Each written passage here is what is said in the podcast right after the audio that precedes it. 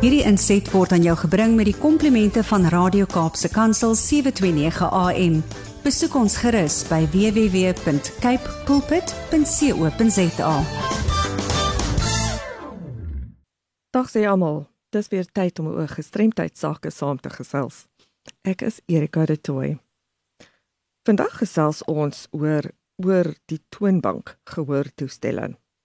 Onlangs het 'n Suid-Afrikaanse bekende op sosiale media uitlatings gemaak oor die koop van oor die toonbank gehoortoestelle, insluitend die mening dat sulke apparate vrylik beskikbaar behoort te wees sodat meer mense toegang daartoe het en nie net deur mediese kennis verskaf word nie.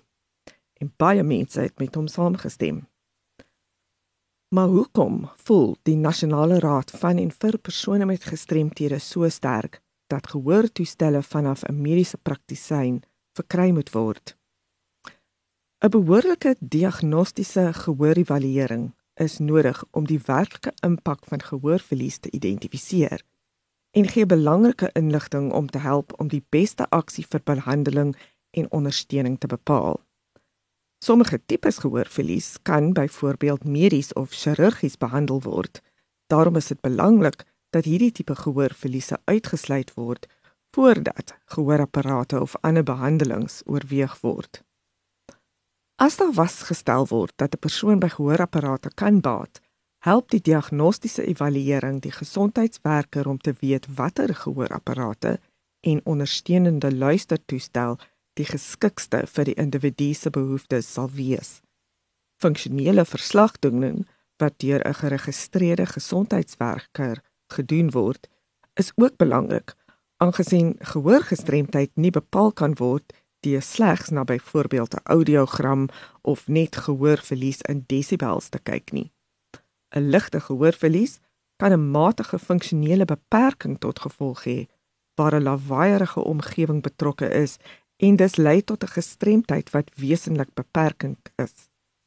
Die proses van mediese intervensie, gehoortoestelle en die moontlikheid van ondersteunende luistertoestelle en rehabilitasie moet holisties aangespreek word. Behoorlike gehoorrehabilitasie is baie nodig. Ons moet ook verstaan dat gehoorapparate klank versterk. Die gebruik van 'n sterk gehoorapparaat op 'n ligte verlies kan verdere akoestiese trauma aan die oor tot gevolg hê en sodoende die funksie van die oor vererger en onherstelbare skade veroorsaak. Dieselfde beginsels geld vir fisiese gestremthede.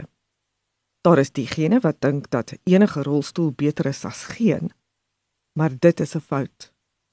Iemand wat die gebruik van 'n rolstoel op 'n permanente basis benodig, moet behoorlik gemeet en toegerus word vir 'n toestel wat by hul liggaamsvorm, hul lengte, gewig, lewenstyl en gestremdheid pas.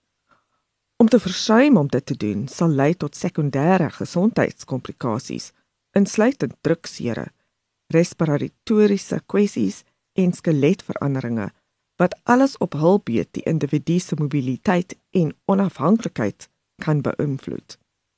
Selfs iets soos eenvoudig soos krikke moet spesifiek aangepas word om die persoon se lengte, armlengte en so meer te akkommodeer. Mens moet ook die beskikbaarheid en koste van onderdele in ag neem. Baie keer ontvang organisasies skenkings van ingevoerde rolstoele wat hoewel dit relatief goedkoop is, nie vir Suid-Afrika se rowwe terrein gemaak is nie en ook nie vrylik beskikbaar is nie met onderdele wat moeilik is om te vind. Plaaslike tegnisië het ook nie noodwendig die kundigheid om hierdie toestelle te diens nie. Gevolglik breek hierdie rolstoele dikwels taamlik vinnig en met geen ondersteuningsdienste om hulle te herstel nie, word hulle na Philosopher verplaas. Daar is wel die kwessie van 'n gebrek aan beskikbaarheid van hulpmiddels, maar dit is 'n aparte kwessie wat 'n oplossing vereis. Ons kan nie die belangrikheid van 'n behoorlike diagnostiese evaluering verwyder nie. Ek sal graag u mening oor hierdie saak hoor. So stuur asseblief u kommentaar aan my by awareness@wcapd.org.za of skakel my kantoor by 021 355 2881.